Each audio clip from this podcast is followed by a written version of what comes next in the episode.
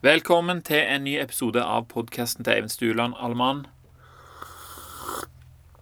Ah, kaffen er klar. Jeg sitter her i camperen og er faktisk litt forsinka denne uka. her, For, har, for tiden så har jeg et prosjekt gående på hjemmefronten som tar veldig mye kapasitet. Og for de som lurer, så går det altså i etterisolering av huset. Uh, Så jeg holder på å klargjøre for det. da. Det skal komme en fyr og bore hull i vegger og gulv og sånne ting. Og så blåser han inn eh, cellulo... Cellulu... Cellu... Cellulose Cellulosefiber inn som skal isolere det godt. Jeg, jeg gleder meg så jæklig. Jeg har vurdert opp og ned i mente hva jeg skal gå for. Jeg har funnet ut at dette er et veldig godt alternativ. Mer enn det en annen gang. Jeg kan bare si at jeg gleder meg, og at den velkjente kommandoen 'lukk døra', eller den korte, men like plagsomme 'døra', eh, forhåpentligvis vil svinne hen og bli til et minne om denne tida her, når huset vårt var ei varmepumpe. Og da mener jeg som ei pumpe som pumper varme ut, rett og slett. Det skal bli en slutt på det nå. I det minste så skal det kraftig reduseres. Og i prosessen av dette her så får jeg jo virkelig da kjenne på hvordan det er å kjempe mot prokrastinasjon og hige etter dopamin. Jeg får kjent på hvilke tanker som fører til at jeg klarer å holde fokus. Eh, og det kan være ganske gøy av og til å ta meg sjøl i å tenke eller gjøre noe som ikke er fornuftig i forhold til det som jeg ønsker å oppnå. Så jeg liksom tar meg sjøl, da, og så blir det til at jeg rister litt på hodet og flirer litt, og så begynner jeg også å gjøre det som jeg egentlig eh, skal. sant? Begynner å se for meg denne her langsiktige belønningen, kjenne at dopaminet jager acet acetylkolin opp i pannelappene, sånn at jeg kan konsentrere meg om oppgaven her. Holde forstyrrelser unna og lagre det jeg lærer meg, sånn at jeg kan bruke det til å fullføre neste steg. Men det kan òg være jævlig plagsomt, for å si det sånn, å tvinge seg sjøl til å følge fornuften til sin egen besserwisser, hvis du fatter hva jeg mener. Føler meg litt som en slags sånn schizofren noen ganger, diskuterer mot og for og sånt, men resultatet er at jeg sakte, men sikkert kommer i mål, og at hver gang jeg endrer oppførselen min med vilje eh, mot noe som jeg ønsker, så ser jeg på det som en seier til fordel for min egen karakter.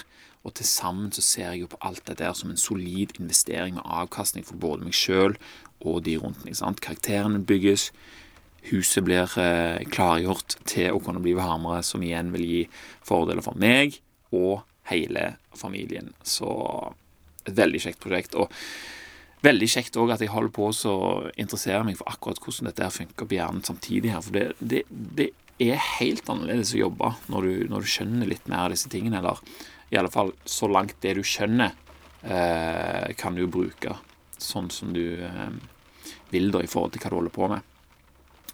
Så det jeg sa forrige gang, var at acetylkolin var det jeg skulle snakke litt mer om. Og det har jeg virkelig, altså Det er ikke bare så enkelt å forklare lett hva det er for noe. Men det er altså en av nevromodulatorene som hjelper meg å, å, fokusere på det jeg holder på med, eller det jeg har lyst til å holde på med. Og det er også en sånn, ikke bare nevromodulator, men det er òg en sånn uh, uh, Nå har jeg glemt ut hva det heter, til og med. Men uansett, da.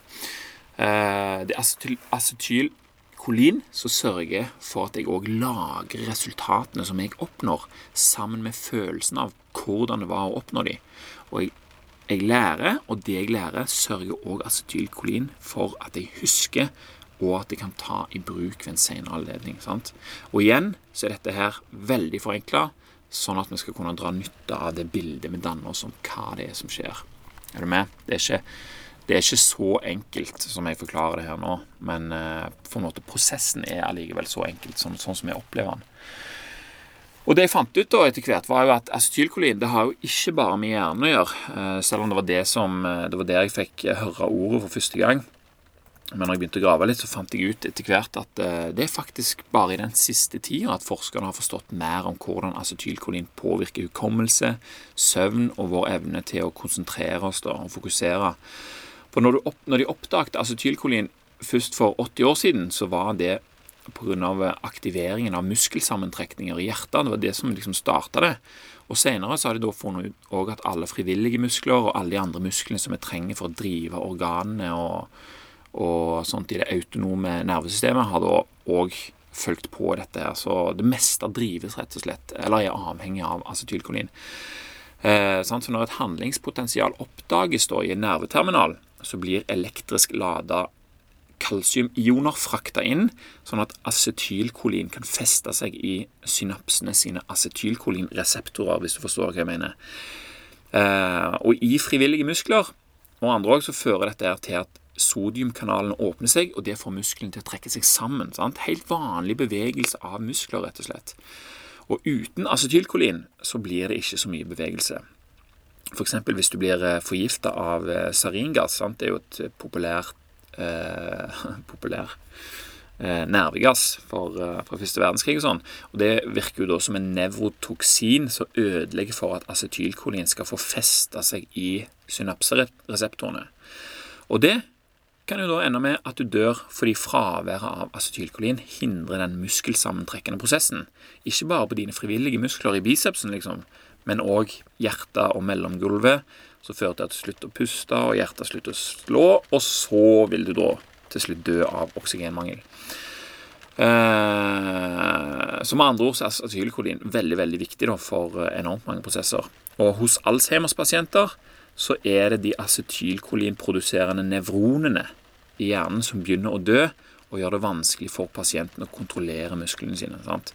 Så eh, acetylkolin er den mest vanlige medisinen for Alzheimers pasienter. Og Derfor er det òg stor motivasjon for å finne ut mer om denne her. Nevrotransmitter var det ordet jeg lette etter tidligere. Det er både nevrotransmitter og nevromodulator. Um, så det er veldig stor motivasjon for å finne ut mer om hvordan dette fungerer, og hva oppgaven er. Desto mer vi vet, desto mer vet vi også hvordan vi kan oppføre oss i forhold til det. sammen.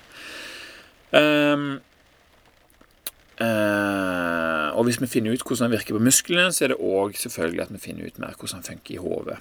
Og på en måte så kan vi se det som at acetylkolin sørger for at uh, fokusmuskelen jobber i hjernen. Altså Hvis du ser for deg at hjernen blir en muskel, så er det acetylkolin som strammer den muskelen. Akkurat så er det acetylkolin som strammer eh, bicepsen din eller musklene dine når du løfter.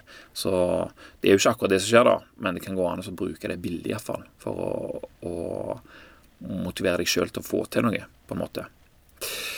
Eh, og for å lage acetylkolin så trenger vi kolin. Dette er viktig for å lage gode hjerner for foster og små barn, bl.a.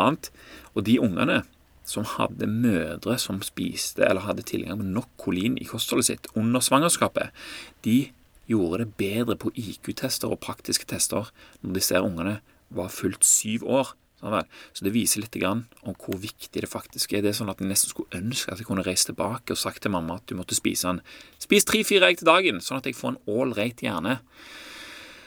For det skal nemlig holde tre-fire egg eh, til dagen. Da skal du ha liksom nok kolin. Men du skal heller ikke ha for mye uh, som vanlig. Men ja, jeg får iallfall nøye meg med å spise egg sjøl, sånn at jeg sjøl har nok kolin til å lage acetylkolin. Og så får jeg òg eh, nå muligheten til å vite litt om hvordan dette fungerer for meg. Sant? Og jeg kan fremdeles få utbytte av å justere oppførselen min i forhold til hvordan acetylkolin virker, og hva det gjør da. Sant vel? Så hvordan kan vi da tenke sånn at vi oftere klarer å gjøre det vi skal? Det er liksom spørsmålet her. Et alternativ er å bare la ting skje uten å vite hva som er årsaken til at vi ikke klarer å fullføre det vi ønsker å fullføre. Sant? Det er jo sånn vi opplever livet før vi vet dette. her. Men hvis vi vet litt om hvordan det fungerer, derimot, så er det enklere å kjenne igjen hva som er i ferd med å skje. Du kan kjenne igjen tegna. Sant? Og hvis vi kan kjenne igjen hva som er i ferd med å skje, så kan vi òg endre på det.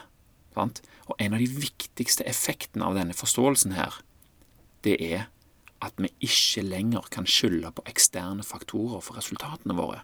Er du med på den? Og er du klar over hva slags effekt det egentlig har? Desto mer vi vet, jo mer av det som skjer, kan spore tilbake til oss sjøl. Og det er da stort sett vi som har ansvaret. Å gå over til denne forståelsen her har et enormt potensial for oss og hva vi ønsker å oppnå. Det er du som har kontrollen for deg, og det er jeg som har kontrollen for meg. Vi kan skylde på andre ting, men desto mer vi vet, desto mer kan vi kontrollere det, og desto mer er det igjen opp til oss. Og er det én ting vi vet vi kan endre på, så er det oss sjøl. Og Så lenge vi vet hva vi vil, og hva som er utfordringene våre, så er det vi som har ansvaret for å synkronisere tankene våre med handlingene våre, sånn at det fører til det resultatet vi vil ha. Og selv om det er en forlokkende tanke å spille lotto og vinne penger, sånn at jeg kan leie noen til å isolere hele huset mitt, så blir det ikke isolert med mindre jeg gjør det jeg skal. Den optimale tilstanden for å gjennomføre et godt arbeid, det er når hjernen opererer i det som kalles for neural harmoni. En kraftig sammenkobling av flere områder i hjernen der alt drar i samme retning. Sant? Vi vet hva vi vil, og vi jobber mot målet, og når vi er i denne tilstanden, så er koblingene vi trenger for oppgaven, veldig aktive. Eh, vi er fokuserte, sant? og dopamin og acetylkolin hjelper oss å holde denne tilstanden. Og de koblingene, som ikke er like viktige, de blir svakere og holder seg i bakgrunnen. sant vel? Og det skal litt mer enn bakgrunnsstøy til for å plukke oss ut av denne her tilstanden. Men hva enn det er vi skal gjøre, så er det når hjernen vår er i denne tilstanden her, neural harmoni, eh, at vi har muligheten til å gjøre vårt aller, aller beste arbeid. Når vi har fokus på det vi holder på med, og lar det som er irrelevant for oppgaven, forbli irrelevant. Enkelt og greit. Men selv om fokuset på en oppgave gjør oss mindre utsatt for avledning og distraksjon, så er fremdeles hjernen følsom for forstyrrelser, og vi kan alltid distraheres om signalet oppleves som viktig nok for oss. Sant? Vi har så ufattelig mange funksjoner i kroppen og hjernen at det er som regel alltid noe som ødelegger for noe annet, selv om egenskapene kan høres fantastisk ut hver for seg. Som sagt så skjer stort sett det som skjer, og det er sånn vi opplever det. Først når vi kjenner igjen det som skjer, kan vi tenke eh, kan vi begynne å tenke ut hvilke noen av disse egenskapene her vi vil legge bedre til rette for, sånn at de ikke forstyrrer hverandre, og at det blir en sånn en dårlig sirkel. Eh, og en av de egenskapene som har en tendens til å jobbe mot vårt langsiktige mål, det er den konstante søken etter store belønninger for liten innsats. Og det er jo alltid en veldig forlokkende tanke. Det er jo det. Ingen tvil. Men har du tenkt denne tanken her mange nok ganger, og gitt etter for den, så ender du opp med lotterimentaliteten som vi snakket om i en tidligere episode. Tanken på en enklere løsning viser seg ofte når vi begynner å bli lei. Sant? Det er krevende å fokusere, og vi har faktisk bare en viss mengde eh, fokus, fokusert eh, en mengde med fokus som vi kan bruke. Og etter hvert så blir dette, akkurat som vi snakket om at det var akkurat som hjernen er en muskel, den blir sliten, den òg, akkurat som de andre musklene våre. Men det vi kan gjøre, igjen akkurat som musklene våre, det er å trene oss opp til å tåle mer og klare lengre økter med fokus. Om morgenen f.eks. er det lett å fokusere. Da er lageret vårt fulgt opp i løpet av denne restaurative søvnen vår. Og når jeg da skal begynne å gjøre loftet klar for isolasjon, f.eks., så, så er dette her eh, da, da, begynner jeg liksom med de tingene jeg kan. Dette har jeg kontroll på, så psh, psh, begynner jeg å stifte sånn vindsperrer og sånt. Og, og, eh, jeg begynner med det som er lett, og det som gir veldig mye resultat for innsatsen. sant? Wow, Dette er jo dette er jo knallbra, det er jo gøy, jo. Men så, etter hvert som disse her store og resultatgivende oppgavene eh, liksom eh, går over til, til disse andre, mer krevende oppgavene, så kommer utfordringene. Oppgavene er fremdeles like viktige, eller kanskje også viktigere enn de andre, men de er kjedelige, og de viser lite resultat, pluss at du kanskje er usikker på hvordan du gjør det. I tillegg så har jeg jo da brukt opp noe av fokuskapasiteten min på å gjøre dette enklere. Sant? Og idet jeg står der og sliter med disse her endeløse oppgavene for å gjøre huset varmere for familien min, så kommer tanken om hvordan jeg skal kunne få gjort dette her på en lettere måte. Hvordan kan jeg slippe unna med dette slitet? En lottogevinst, det hadde gjort susen, sant? Bare tanken på det gjør meg glad og gir nok dopamin til at jeg føler jeg allerede har fått til noe. Sant? Jeg føler jeg har løst en del av problemet. Spar på innsatsen. Jeg trenger ikke fullføre dette her. Jeg går rett og slett heller for lottogevinsten, og så leier jeg inn folk. Alt de trenger å gjøre, er å se det for meg. Det får jeg dopamin av. Dopamin som vil motivere meg denne gangen, ikke til å fullføre prosjektet, men til å kjøpe en lottokupong som skal føre til at jeg vinner, som skal føre til at jeg kan leie inn folk, som skal føre til at prosjektet blir ferdig. Sant vel? Vil jeg ha mer dopamin, så kan jeg bare se for meg hva mer jeg skal bruke gevinsten på. Og det blir ikke noe acetylkolin og konsentrasjon av dette her, dessverre. Fordi oppgaven opplever jeg som om man er løst. Hjernen oppfatter dette her som om det har skjedd, og jeg føler jeg har oppnådd noe og kan ta fri med god samvittighet. Jeg har slått meg til ro, men jeg søker fremdeles bekreftelse for tankene mine. sant? Confirmation bias. Og det finner jeg jo selvfølgelig i reklamen om lottomillionærer som gjør akkurat det de har lyst til. Og det bekrefter for meg at dette er veien å gå. De viser det på reklamen. Gi drømmen en sjanse, eller hva hoen det er de sier for noe. Og først når vinteren kommer, og jeg oppdager at det fremdeles er drittkaldt i hele huset, så innser jeg at det var dumt å håpe på at en ekstern faktor skulle kunne gjøre jobben som jeg ville ha resultat av.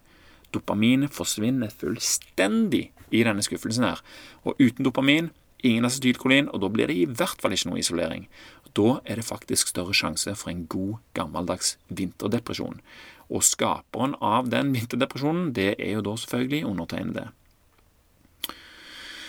Og sånn er utfordringene våre nå, sånn som vi lever i dag. Sant? Men det har jo ikke alltid vært sånn. La oss reise tilbake i tid, det er noe av det kjekkeste jeg vet, til da vi var jegere og sankere, og så ser vi på hvordan disse egenskapene fungerte i det miljøet.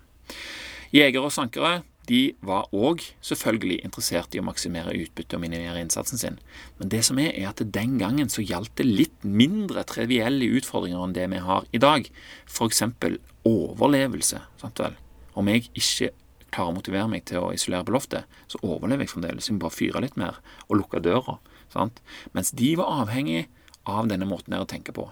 Eller arten vår ble faktisk sånn han er fordi de som gjorde dette på den måten, overlevde og førte egenskapene videre. De vant fram når det var knapt om ressursene. Så la oss si da at ei gruppe med jegere kommer til et område der det fins mat. sant? Først så kommer du, og så er det sånn Noe er lett å finne, lett å sanke. sant? Uh, her var det liksom, Jeg tar det bare lettest først. Mens noe er vanskeligere. Først så samler du det som er lett å finne.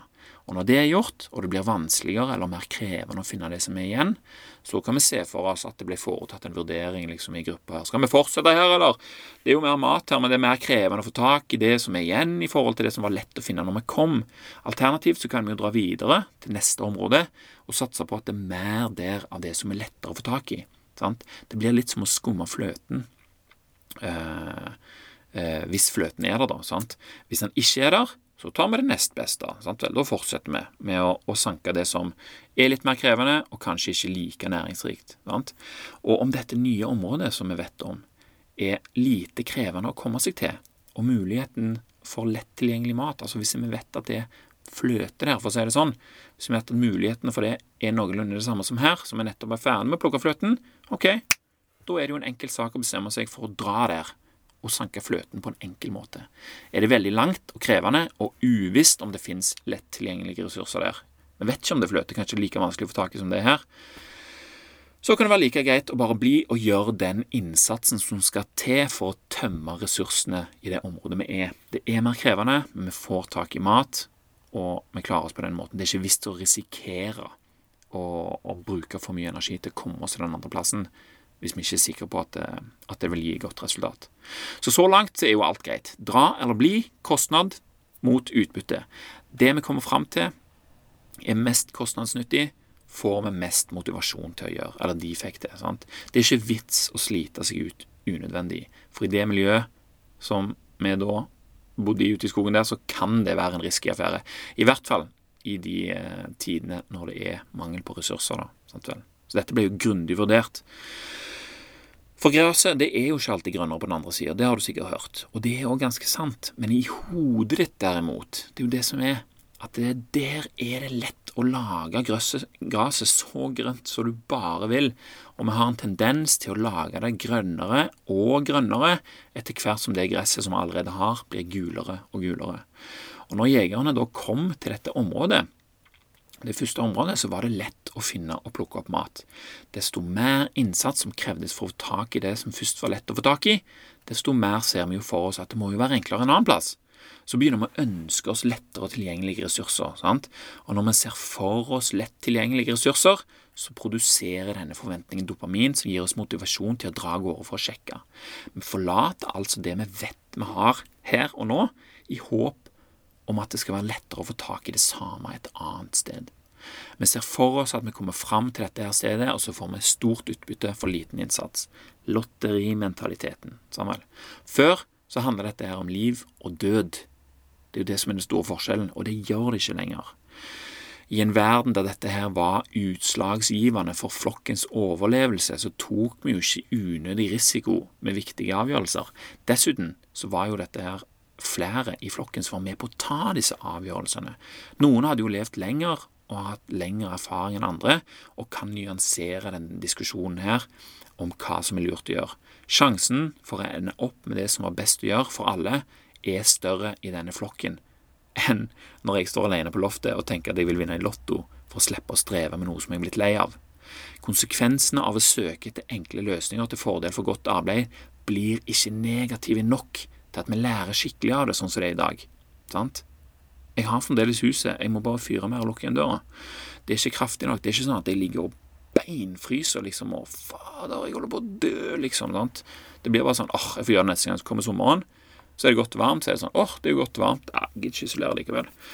Og sånn fortsetter det. Det er ikke alvorlig nok. Sant? Uten at avgjørelsen har med liv og død å gjøre, og uten å diskutere dette med flere personer med ulik erfaring, så er det stort sett vår egen lyst som ender opp med mye av mandatet til å ta disse avgjørelsene våre. Uh, må ta en liten slurk. Så mat og andre praktiske ressurser for å leve er ganske åpenbare at vi vil ettertrakte, men en annen ressurs som vi mennesker alltid har satt veldig høyt, det er informasjon. Og ny informasjon som kan lære oss å bedre navigere miljøet vårt, det er liksom det er liksom the holy grail. altså. Det kan gjøre det lettere å få tak i det vi trenger, eller gjøre det mindre kostbart å oppnå et krevende resultat. sant? Lett tilgjengelig informasjon er minst like fristende som lett tilgjengelige matressurser. Begge deler pleide jo da selvfølgelig òg å være knappe ressurser. og Det er jo derfor vi vil ha det i dag, selv om både mat og informasjon ikke er knappe lenger. Men vet du hva? Dette var faktisk alt vi rakk denne gangen. Det ble altfor mye for en episode, dette her. Del to den får du neste uke, og man, jeg gleder meg til å forstå mer om hvordan dette her fungerer i forhold til informasjon. Så å si alt det du har hørt om her, det kommer fra brainfacts.org, så gå inn der og les eh, mer om du vil det. Lær deg noe nyttig. Du vet aldri hva tid du får bruk for det. Og i mellomtida så sier jeg takk for nå, takk for meg, og takk til deg som hørte på. Vi snakkes neste gang.